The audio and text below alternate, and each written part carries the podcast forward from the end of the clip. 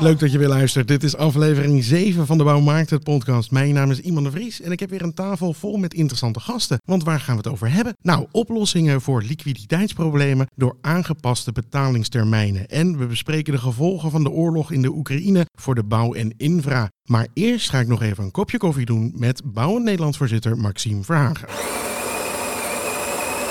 Koffie met Maxime Verhagen. Goedemiddag Maxime, Eh, fijn dat ik hier weer eh, mag zijn met een kopje koffie. Ja, En eh, nou, laat ik meteen maar, ja, hoe gaat het? nou, eh, op zich gaat het goed, want eigenlijk zou je zeggen van jongens, er zijn enorm veel eh, mogelijkheden na corona. Hè? Eh, mensen die, die, eh, die willen weer, eh, weer samenkomen, eh, willen toch weer de economie ook een boost geven. Maar tegelijkertijd zie je dat er toch een aantal ongelooflijke, ja, onvoorstelbare ontwikkelingen zijn. Eh, Rusland die Oekraïne is binnengevallen. Eh dus natuurlijk in de allereerste plaats voor de mensen daar eh, natuurlijk een vreselijke ramp. Hè. Als je die beelden ziet, dat is vreselijk. Ja, zeker. Maar tegelijkertijd zie je dat door die oorlog we hier ook een situatie krijgen die leidt tot schaarste aan energie, gasprijzen die sky high worden. Ehm, je ziet eigenlijk allerlei grondstoffen, niet alleen die ehm, eh, waar, waar, waarvoor je energie nodig hebt, hè, maar ook andere, allerlei andere grondstoffen. Zie je opeens enorme prijsstijgingen. Staal, glas, hout. Niet alleen door de energieprijzenstijging, maar ook eh, doordat bepaalde producten uit Oekraïne afkomstig zijn. En, en dat, eh, dat valt stil. Dus je ziet eigenlijk ehm, ja, op dit moment dat er ingrijpende gevolgen voor heel veel bouwprojecten zijn. Ja, daar ga ik het ook zo meteen inderdaad over hebben met mijn eh, twee gasten. Eh, hier in het, eh, en het item hierna, inderdaad. Die gaan we, want die bouwkosten die, die, die schieten natuurlijk omhoog, inderdaad. En, wat dat, en hoe dat opgelost kan worden met bestaande bouwprojecten en met toekomstige bouwprojecten. En hoe daar aangepast kan worden. En zijn er nog zaken waar je voor de rest nu mee bezig bent, naast die gevolgen van de oorlog in de Oekraïne? Of is dit echt wel alles Ja, dit, dit is niet alles waar we op dit moment mee bezig Nee, zijn. maar ik kan me Eh, voorstellen, het is wel maar echt dit is, het- dit, is, eh, dit is een vrij fors. eh, wij hebben, ik heb daar zelf over eh, eh, contact gehad met, met Harbers, dus minister van Infrastructuur, met, met, met de minister van Wonen en, Ruimtelijke Ordening, van Volkshuisvesting, Hugo de Jonge. Ehm, eh, we hebben daar ook uitvoerig al, al over gesproken. en op dit moment hebben we veel contact met de twee ministeries.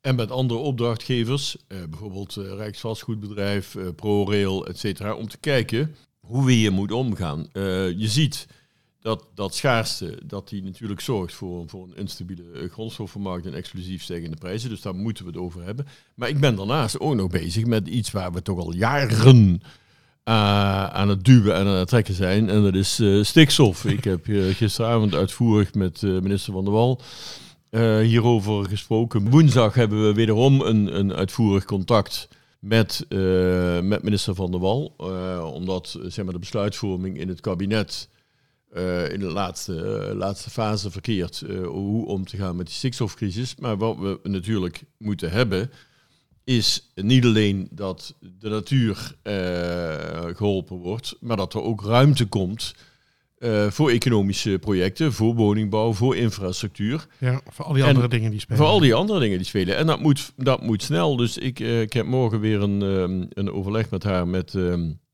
eh, de medewerkers ook van en, en de voorzitters ook van Natuur, Monumenten, Natuur en Milieu, LTO en VNO.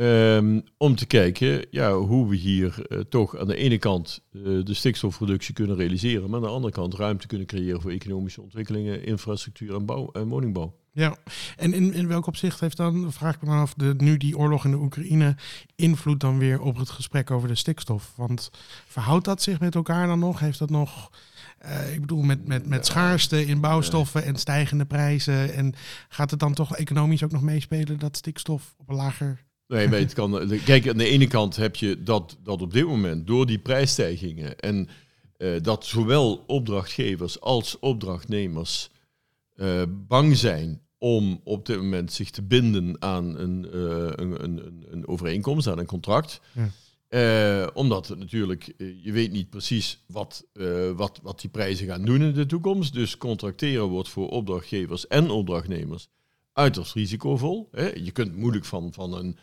eh, van een aannemer verwachten, eh, met, met de kleine marges die we hebben in de bouw, dat, ehm, eh, dat, dat je... Draag je, alle ja, risico's, van, zeg maar. jongens, Ja, ja, je ziet maar wat het is, maar je moet nu akkoord gaan met een prijs die je ervoor krijgt. En je weet totaal niet wat de prijs voor staal of voor hout gaat, gaat doen.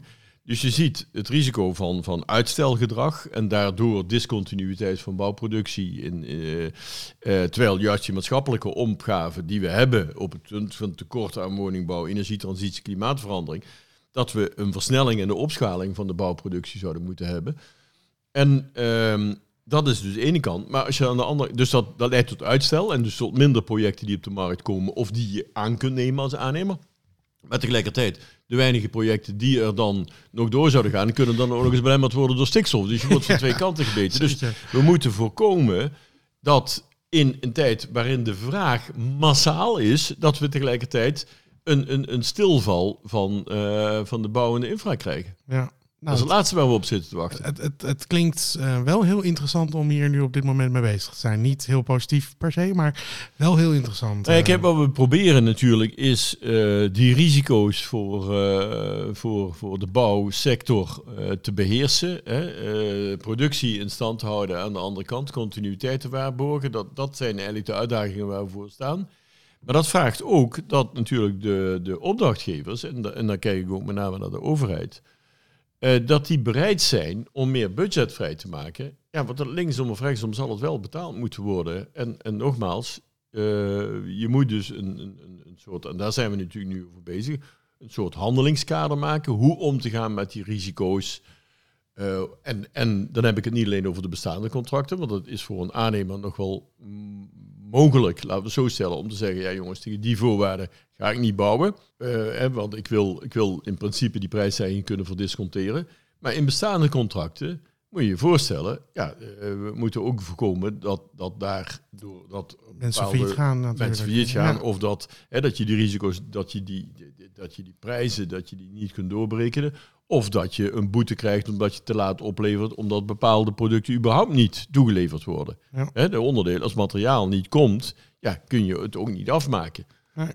En eh, dus ehm, wij willen ons inspannen eh, om, om die continuïteit in de bouwproductie eh, en, en, en werkgelegenheid zoveel mogelijk te borgen. En aan de andere kant te zorgen dat er geen ja, onnodige risico's bij de aannemer gelegd worden.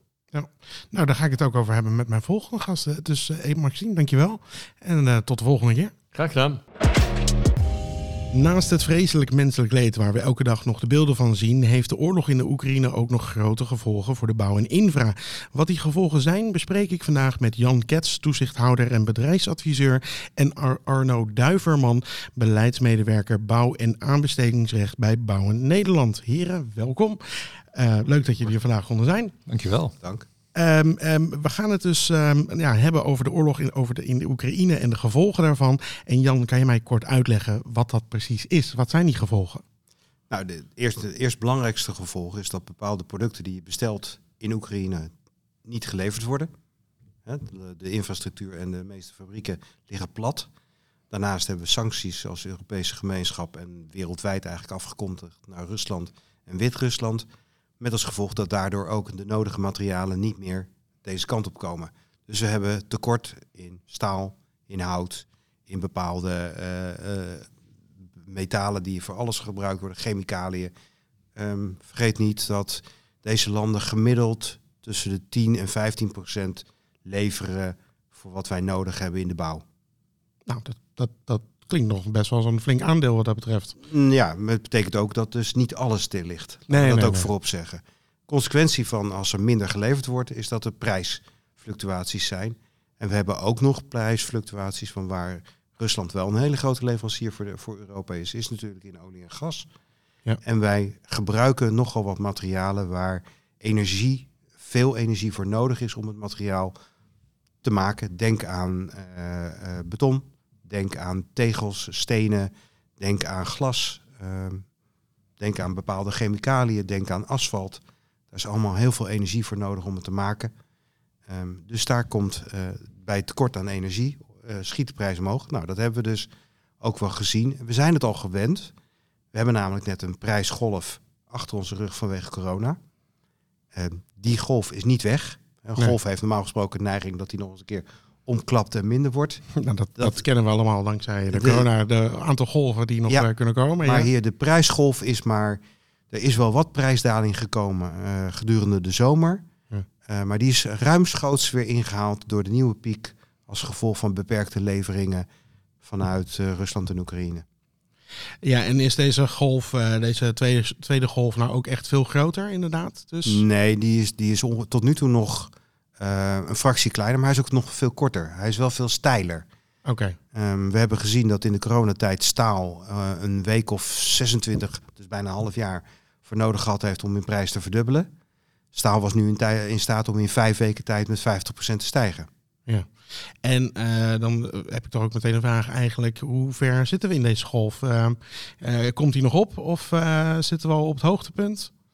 Nou, dat is moeilijk te zeggen, want ehm, eh, als jij weet hoe lang die oorlog gaat, eh, gaat duren, dan, eh, dan kan, Ja, kan ik er rekening mee houden. Ja. Ehm, de verwachting is wel, en we zien al een beetje dat bepaalde materialen die eh, in het begin direct niet meer verkrijgbaar waren, dat daar via andere kanalen weer wat komt.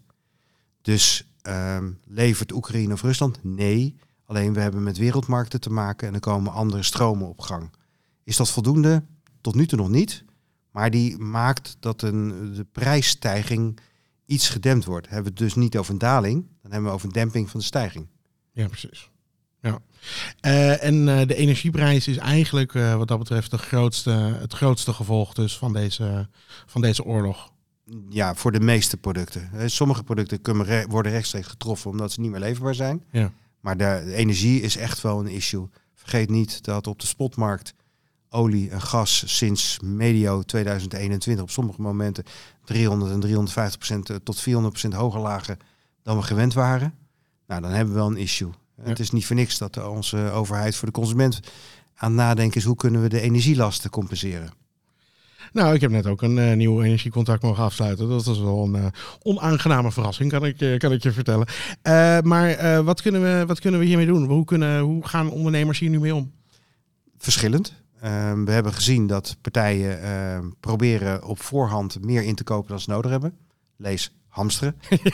Sorry. Eh, dat heel goed. Ja, dat, dat is een variant. De, de wc-rol eh, all over again. Eh, ja, nou ja, dat, dat heb je bij eh, sommige partijen ook gezien. Dus daar komt dan vanzelf weer wat normalisatie in. Ehm, andere alternatieven. Eh, soms lukt het om met andere materialen hetzelfde effect te bereiken. Eh, prijsstijgingen eh, absorberen, dus gewoon accepteren eh, en doorberekenen al dan niet. Dan wel gewoon bepaalde producten stoppen. We weten dat er zijn al producenten van keramische producten. Lees mensen die grote ovens hebben om dingen af te bakken. Dat die al hun, hun oven stil hebben gelegd. En een gascontract aan iemand anders verkocht hebben omdat hun eigen product niet meer rendabel is. We hebben ook al van onze leden gehoord dat de eerste asfaltcentrale, waar ook mega veel energie in gaat, dat die ook al gesloten is. Omdat dat, dat zijn dan partijen die meerdere asfaltcentrales hebben, waardoor ze de andere rendabeler kunnen, kunnen produceren. Dus ehm, ja, daar gaat gewoon ook dingen uitvallen door de, de hoge energieprijzen. ja, En er precies. is natuurlijk nog een ongewenste eh, ontwikkeling dat projecten op hold worden gezet. Eh, dat, dat biedt weer wat ruimte vanwege de uitval van de vraag aan die kant eh, voor bepaalde producten, eh, waardoor die elders in de markt kunnen worden gebruikt. Goed is het natuurlijk niet hè, als je je doelstellingen wilt realiseren op het gebied van nou ja, de maatschappelijke opgaves die, die we nu hebben in de bouw. Ja. Dan, dan werkt dat natuurlijk bepaald niet, niet positief uit. Nee, kijk, je mag niet vergeten, ehm, projecten worden niet van één dag in tien dagen op de markt neergezet. Dus we hebben jarenlange voorbereidingstijd, er wordt gewerkt met budgetten. En die budgetten passen voor geen meter meer. Corona was al geen, eh, geen eh, hulpje daarbij. En de, de oorlog in Oekraïne helpt zeker niet. Lopende projecten eh, is er heel veel pijn. Pijn die verdeeld moet worden tussen opdrachtgever en opdrachtnemer. Maar nieuwe projecten, ja, daar krabben mensen zich nog even achter de oren van kan ik die nog überhaupt wel in de markt zetten? Wil ik die nog wel in de markt zetten? Sommigen omdat ze denken dat heel snel de prijzen weer gaan dalen. Nou, ik denk dat die eh, utopie eh, eh, dat, dat een utopie is, dat dat gewoon niet van toepassing zal zijn. Maar anderen gewoon, ja, weet je, je hebt niet onbeperkt middelen. Dus je zult echt wel moeten nadenken van, ja, waar geef ik mijn middelen aan uit? En moet dat project anders ingericht worden? Dus, en dat is wel een, een hard gelach voor de bouwsector. Het klinkt heel leuk dat we tussen de 10 en de 11 maanden arbeidsvoorraad eh, hebben zoals de EIB dat uitrekent. Maar op het moment dat er een eh, opdrachtgevers eh, terughoudend gaan worden, is die voorraad heel snel weg. Ja, precies. En eh, mag je even vragen, Arno, eh, hoe werkt dat dan met eh, eh, nou ja, bestaande projecten waar die, waar die prijzen zo nu omhoog gaan? Waar, hoe moeten ondernemers dat op gaan vangen? Ehm, ja, ondernemers zitten vaak in, eh, in, een, in een strop, hè, wat dat betreft. Eh, en ik heb dat wel eens beeldend zo uitgelegd, dat een vaste aanneemsom net zoiets is als een strop die je om, eh, om de nek heen legt en die steeds vaster wordt aangetrokken op het moment dat je te maken krijgt met eh, prijsschommelingen eh, en prijsstijgingen in het bijzonder. Hoe ga je daarmee om als ondernemer? Nou, ten eerste doe je er natuurlijk goed aan om het gesprek aan te gaan met je opdrachtgever. Ehm, het is niet zozeer een probleem van de opdrachtnemer alleen, namelijk het raakt de hele keten. En wat dat betreft is de hele keten afnemer van producten. Ook die bouwondernemer. Die zit ook aan de, noem het maar even, de verkeerde kant van, eh, van de keten. Eh, die moet kopen. Die moet inkopen en die heeft eh, hetzelfde probleem als iedereen. Alles is veel duurder. Het is niet of slecht leverbaar. Ehm, producten worden tegen dagtarief aangeboden. En hoe moet je dan de vaste prijs bepalen met elkaar? Als een vaste prijs al is bepaald, dan zie je daarin verschillen optreden tussen de bouwkosten die zijn begroot op voorhand en de bouwkosten die in werkelijkheid voorkomen. Nu zijn er in, eh, in eh, de wet, maar ook in de meeste eh, bouwvoorwaarden, er regelingen om ervoor te zorgen dat dat soort effecten ehm, eh, niet per definitie bij de opdrachtnemer terechtkomen. Maar dat dat ook een zorg is van de opdrachtgever. Ehm, dat soort regelingen, dat functioneert op het moment dat je ze ook toepast. En daar zit een beetje het probleem op dit moment, dat de toepassing van dit soort regelingen eigenlijk achterblijft, wordt uitgesloten in, in veel gevallen, waardoor je niet aan die verrekening van prijsstijgingen toekomt, althans niet op die manier. En dat is jammer, omdat dat duidelijkheid zou bieden voor de hele keten. Eh, ja, budgetten komen, schieten dan tekort, dat klopt, maar dat is wel de realiteit van nu. En daar zul je ook als opdrachtgever zometeen in de toekomst rekening mee moeten houden. Tegenvallers, het potje tegenvallers, wat we allemaal kennen, de voorziening, ehm, die zou je moeten treffen. En je moet lering trekken uit wat er hier en nu gebeurt. Het gaat dus heel lang goed. Een kleine toevoeging hierbij. Het klinkt altijd een beetje, eh, zo denken we opdrachtgevers ook wel eens van, die domme aannemer heeft het niet geregeld. Mhm. Hij had toch alles in kunnen kopen, al vast kunnen leggen. Dat doen ook heel veel aannemers. Hè. Op het moment dat ze de opdracht krijgen, kopen ze per direct in, voor meerdere jaren. Wat, waar we mee geconfronteerd worden, is dat contracten niet gerecht, eh, geëerbiedigd worden. Hè, menig contract gaat gewoon nu zo de prullenbak in en zeggen, ik lever niet meer onder die voorwaarden. Je betaalt maar bij, anders komen we niet. Van heel simpel energie, benzine en, en dieseltoeslag om mijn mensen naar de bouwplaats te laten komen. Tot partijen die gewoon zeggen, eh, de vrachtwagen staat hier wel voor de deur om te laden. Maar betaal even 4 euro per vierkante meter extra en dan gaat hij pas rijden. Mhm. Dus zelfs de slimme en de, en de eigenlijk de risicomijdende eh, aannemer die alles op tijd heeft ingekocht, wordt eh, geconfronteerd met substantiële prijsstijgingen omdat de hele keten in paniek is en zich niet meer aan zijn afspraken houdt. Ja. Het zijn over het algemeen een aantal onderdelen die je met raamovereenkomsten eh, inkoopt voor langere tijd. Althans op afroep. Hè. In de raamovereenkomst staan dan bepaalde eenheidsprijzen genoemd over het algemeen.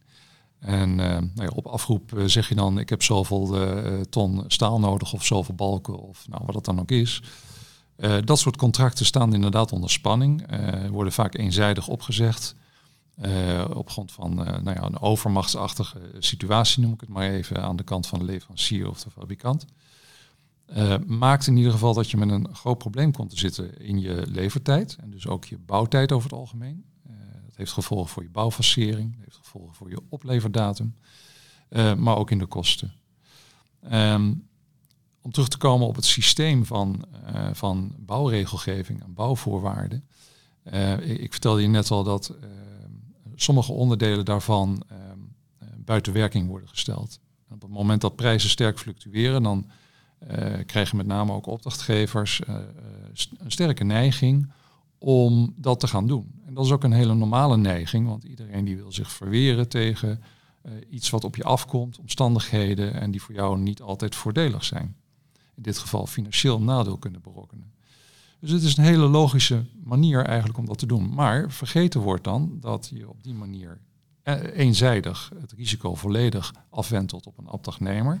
Maar bovendien dat je daarmee het systeem doorbreekt. Het systeem van regels, het systeem van voorwaarden, wat in zijn totaliteit functioneert.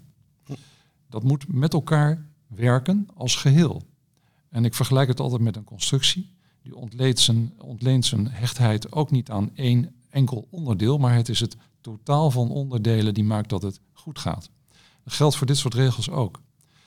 Dat zie je ook terugkomen in de opzet van bijvoorbeeld een begroting van een aannemer. En iedereen die in de bouw werkt en wel eens een offerte heeft gezien en met een open begroting erin weet dat eh, er eerst een opgave is van kosten en die wordt afgesloten met de zogenaamde staartkosten, de opslagpercentages. Dat kan gaan over je algemene bouwplaatskosten, kan gaan over je algemene kosten. Maar wat interessant is hierin is het, is het percentage risico. Vaak wordt dat in één percentage genoemd, winst en risico. Soms wordt het dus uitgesplitst. Over het algemeen is dat, nou dat kan zijn in hele slechte tijden 1% winst en risico. Dat zijn dan slechte tijden hoor. Eh, en als het heel goed gaat, zie je 4%, 5%. Grosso modo 3%, 4%, dan heb je het wel eens een keer gehad, helemaal. Wat is dan het risicoaandeel daarin? Dat is nog veel kleiner. Risicopercentages in de bouw eh, fluctueren omstreeks 1%. En is een project wat minder risicovol, althans wordt dat gedacht in de bouw, bijvoorbeeld seriematige woningbouw, dan is dat risicopercentage nog lager, 0,35, 0,5. Dat is wat er aan risico in de aanneemsom echt zit. Als je dat dus afzet tegen de daadwerkelijke risico's die worden gelopen en waarvan je geacht wordt dat dan maar te dragen, dan ontstaat er een onevenwichtig geheel. En eh, even, die 1% wordt gedaan om die prijs zo laag te houden dan? Of, eh, Dat zijn allerlei die risico's die kunnen voorberekening. voorkomen. Dat kunnen uitvoeringsrisico's zijn, dat kunnen risico's ook in de prijzen zijn. Heel veel risico's worden eh, gepoogd tijdens het produceren van het, het bouwwerk weg te werken. En slim zijn in je, in je productie. Ja. Zo werkt het in de praktijk niet altijd. Met als gevolg ehm, dat je, je, hebt, je hebt eigenlijk twee varianten als je als, je als eh, opdrachtnemer hier wat mee wil doen. De ene kant is goedkopere materialen gebruiken, waardoor je wat marge krijgt waar je risico's in kwijt kunt. Andere variant is, en dat is in de praktijk waarom ze heel snel verlies maken, is dat ze hun algemene kosten dan maar opgeven om, om, om die last op het project te kunnen dragen. Maar ja, dat kantoor, het bedrijfsbureau, eh, heeft ook gewerkt op het project, draait mee op het project. Dus het zijn kosten die je ook al gemaakt hebt. Dus per definitie snij je gelijk in je eigen vlees. De bouw heeft, werkt met flinterdunne marges krijgt een, eh, tuss- tussen zijn directe productiekosten en, en zijn koopsom een, een lichte laag. Waar, we van, en dan heb je het echt over maximaal enkele procenten waarmee ze wat kunnen sturen. En dan is het over. Het is, het is niet dat je hierbij eh, een- een speklaag van 20, 25 procent even wat kunt wegsnijden. Het nee, is- nee, maar dat, dat, dat, precies, dat is het. En als je het zo laag inschaalt, dan kan je natuurlijk alleen maar wachten tot het fout gaat. Dan, Eh, het gaat heel snel fout. Ja, je zit zo in de rode cijfers. En, ehm, en wat is en we wat- focussen ons nu natuurlijk heel sterk op die risicoverdeling. En waar valt nu eigenlijk die prijsverhoging? Wie gaat dat nou betalen?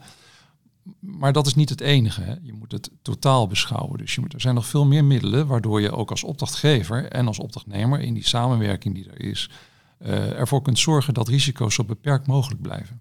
Dat kun je ook doen door eh, op een goede manier het budget te bepalen. Dat kun je ook doen door vroegtijdig de markt te consulteren en te vragen hoe zit het nu eigenlijk precies. Dan kan je keuzes maken voor producten die misschien minder risicovol zijn op dat moment. Minder risicovol eh, qua leveringstijden, dus ook eh, in, de, in de beschikbaarheid ervan. eh, maar ook minder risicovol eh, voor prijsstijgingen. Eh, dat zijn allemaal zaken en wij komen binnenkort met een eh, handelingskader waarin eh, het een en ander omschreven staat. En dat handelingskader dat gaat niet alleen maar over die prijsstijgingen en dat risico en wie moet dat nou dragen. Natuurlijk gaat het ook over een redelijke risicoverdeling, maar is veel breder. En we gaan kijken vooral naar de manieren waarop je dit op een goede en evenwichtige manier met elkaar in de hele keten zou kunnen oppakken, zodat je probeert die risico's zoveel als mogelijk te beperken. Helemaal wegpoetsen doe je ze niet. Je moet je, denk ik, als opdrachtgever, maar ook iedereen in de keten moet zich ervan bewust zijn dat je een risicovolle activiteit ontplooit. Dat neem je niet weg. Maar je zult er wel goede afspraken over moeten maken. Laat je dat na, dan krijg je eenzelfde situatie als wat we hebben gezien met, die, uh, met bijvoorbeeld die private publieke samenwerkingen, de PPS'en. Ehm, die werden op een gegeven moment zo risicovol dat uh, aanbieders zich, terug, zich terugtrokken. Sommige aanbieders trokken zich volledig terug uit, die, uit dat onderdeel van de markt. Um, dat zie je nu ook gebeuren. Afwachtende houding, aan twee kanten overigens.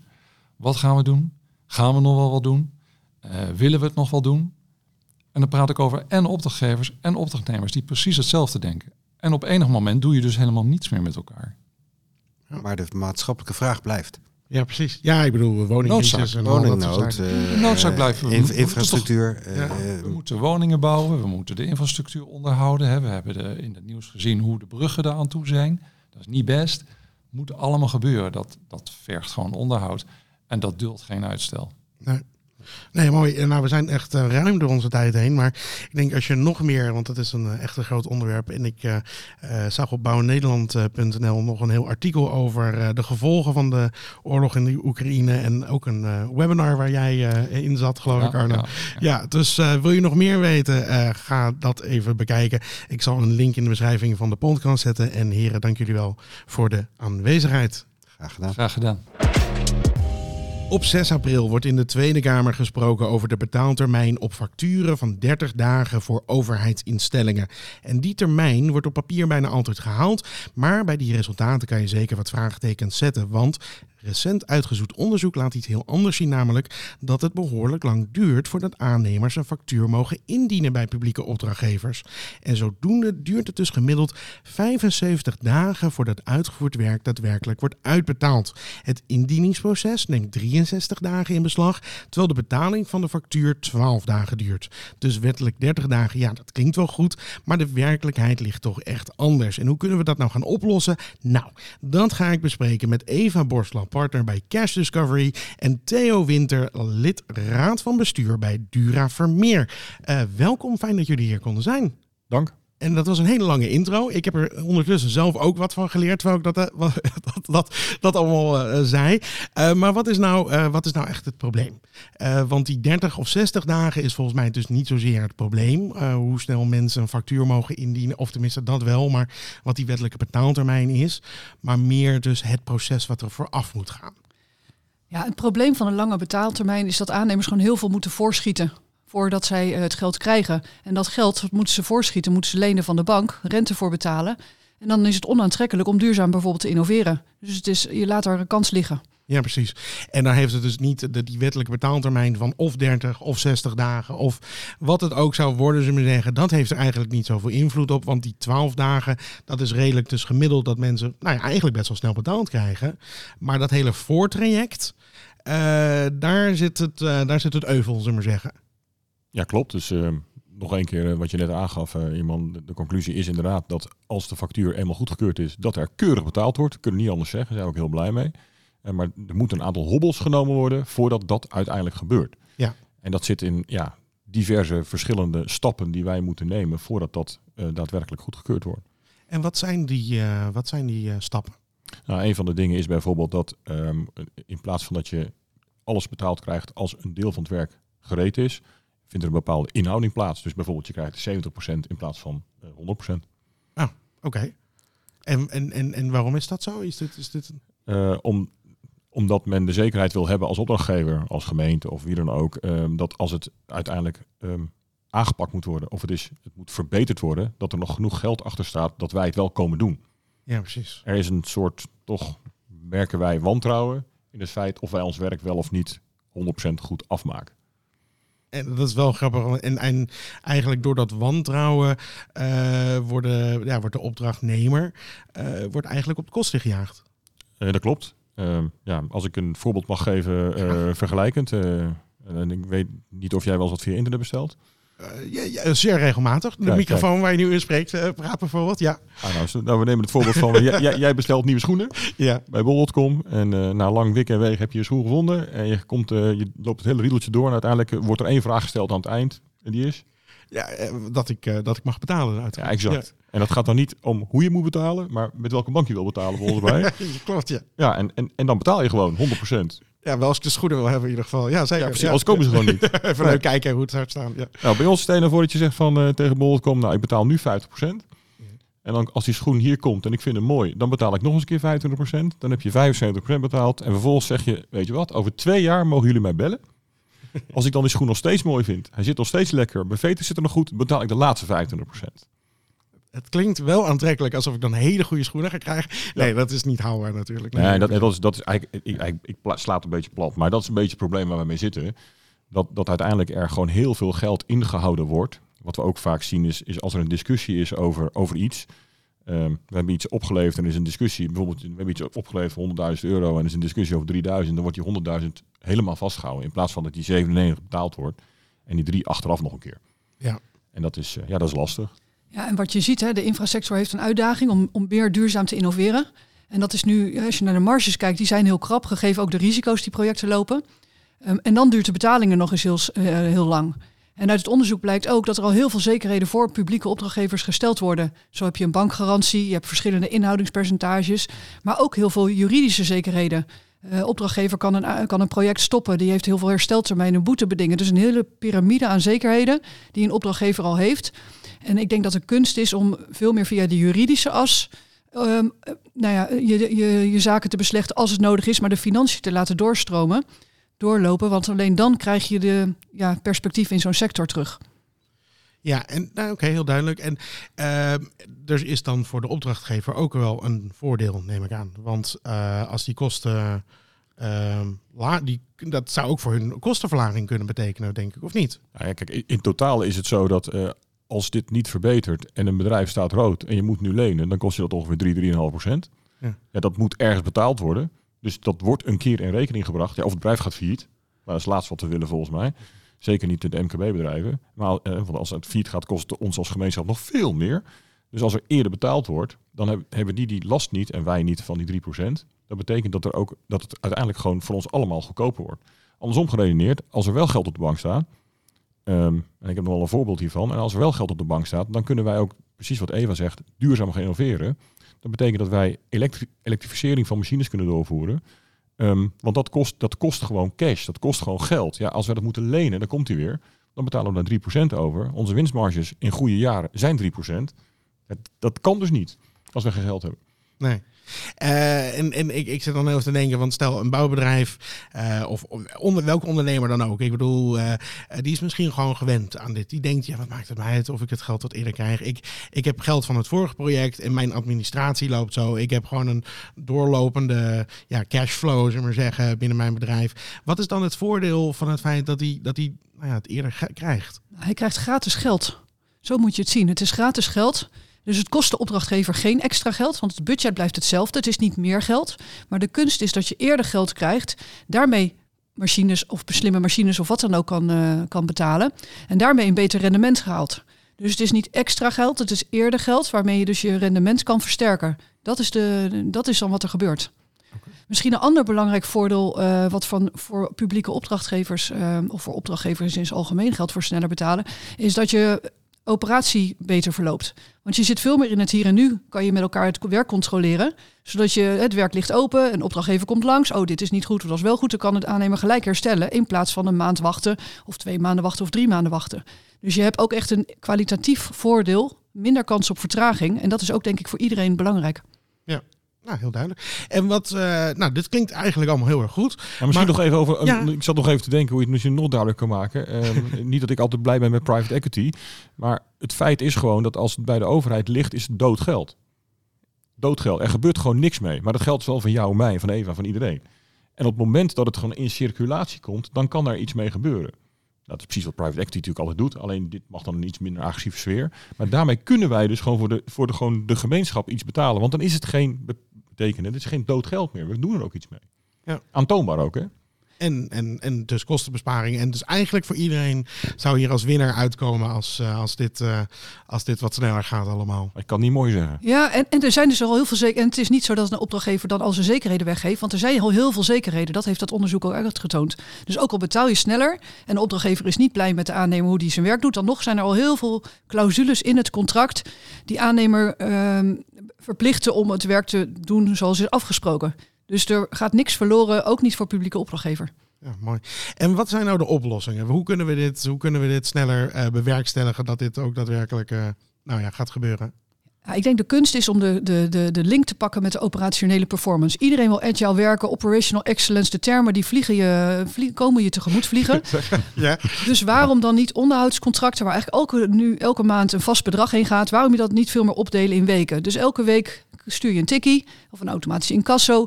En zo krijg je, zeker voor onderhoudscontracten, maar kan ook voor project, krijg je een routine van wekelijkse betaling zonder een hele papierwinkel. Want dat hou je op de frequentie die nu is, per maand, per kwartaal of wat dan ook.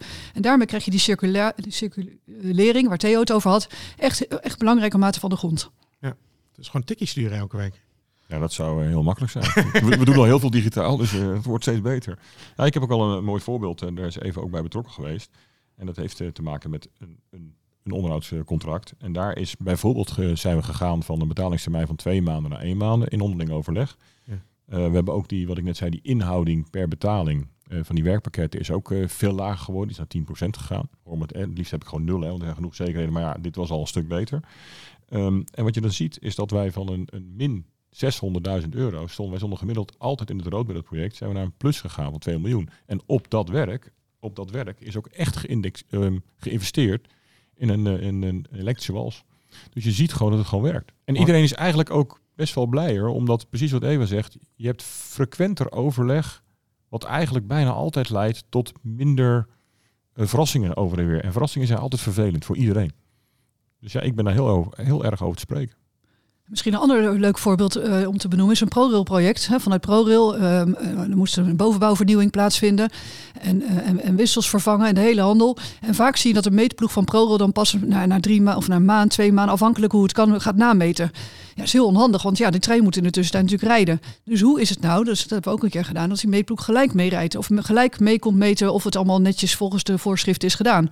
Nou, krijg je heel veel versnelling eh, in het hier en nu overleg en die betaling kan dus ook gelijk eruit. Dus ja, win-win. Klinkt cliché, maar het is, het is echt waar. En soms zijn het wel de, de oplossingen die wel, dat je denkt, dit ligt toch behoorlijk voor de hand eigenlijk. Eh, als je, weet je wel, het is efficiënter werken, het is iets meer vertrouwen in elkaar hebben vanuit opdrachtgever naar opdrachtnemer en andersom, zullen we maar zeggen. En dan, dan, dan bespaar je ook nog met z'n allen gewoon een hele hoop geld en gaat het gewoon allemaal wat vlotter en beter. Ik denk dat, dat een van de dingen waarom het ook niet gebeurt, is dat je ziet heel vaak dat de mensen die het werk doen aan beide kanten, die willen dit. Maar ergens zit er toch nog ja, een apparaat achter.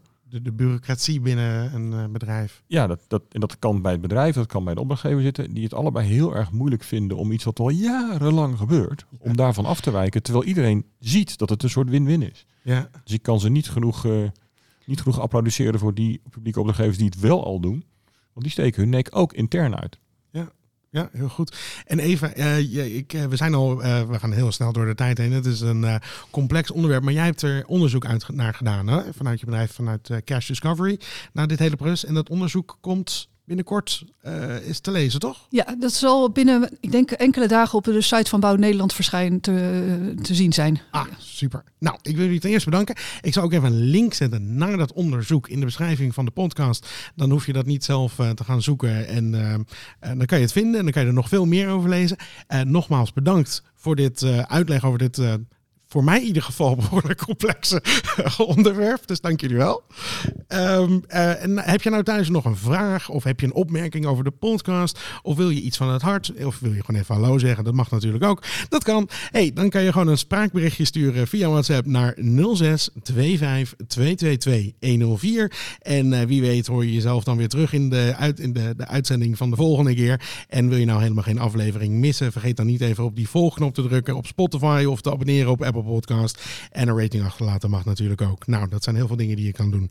Eh, bedankt voor het luisteren en tot de volgende keer. En eh, hoi. Dankjewel. De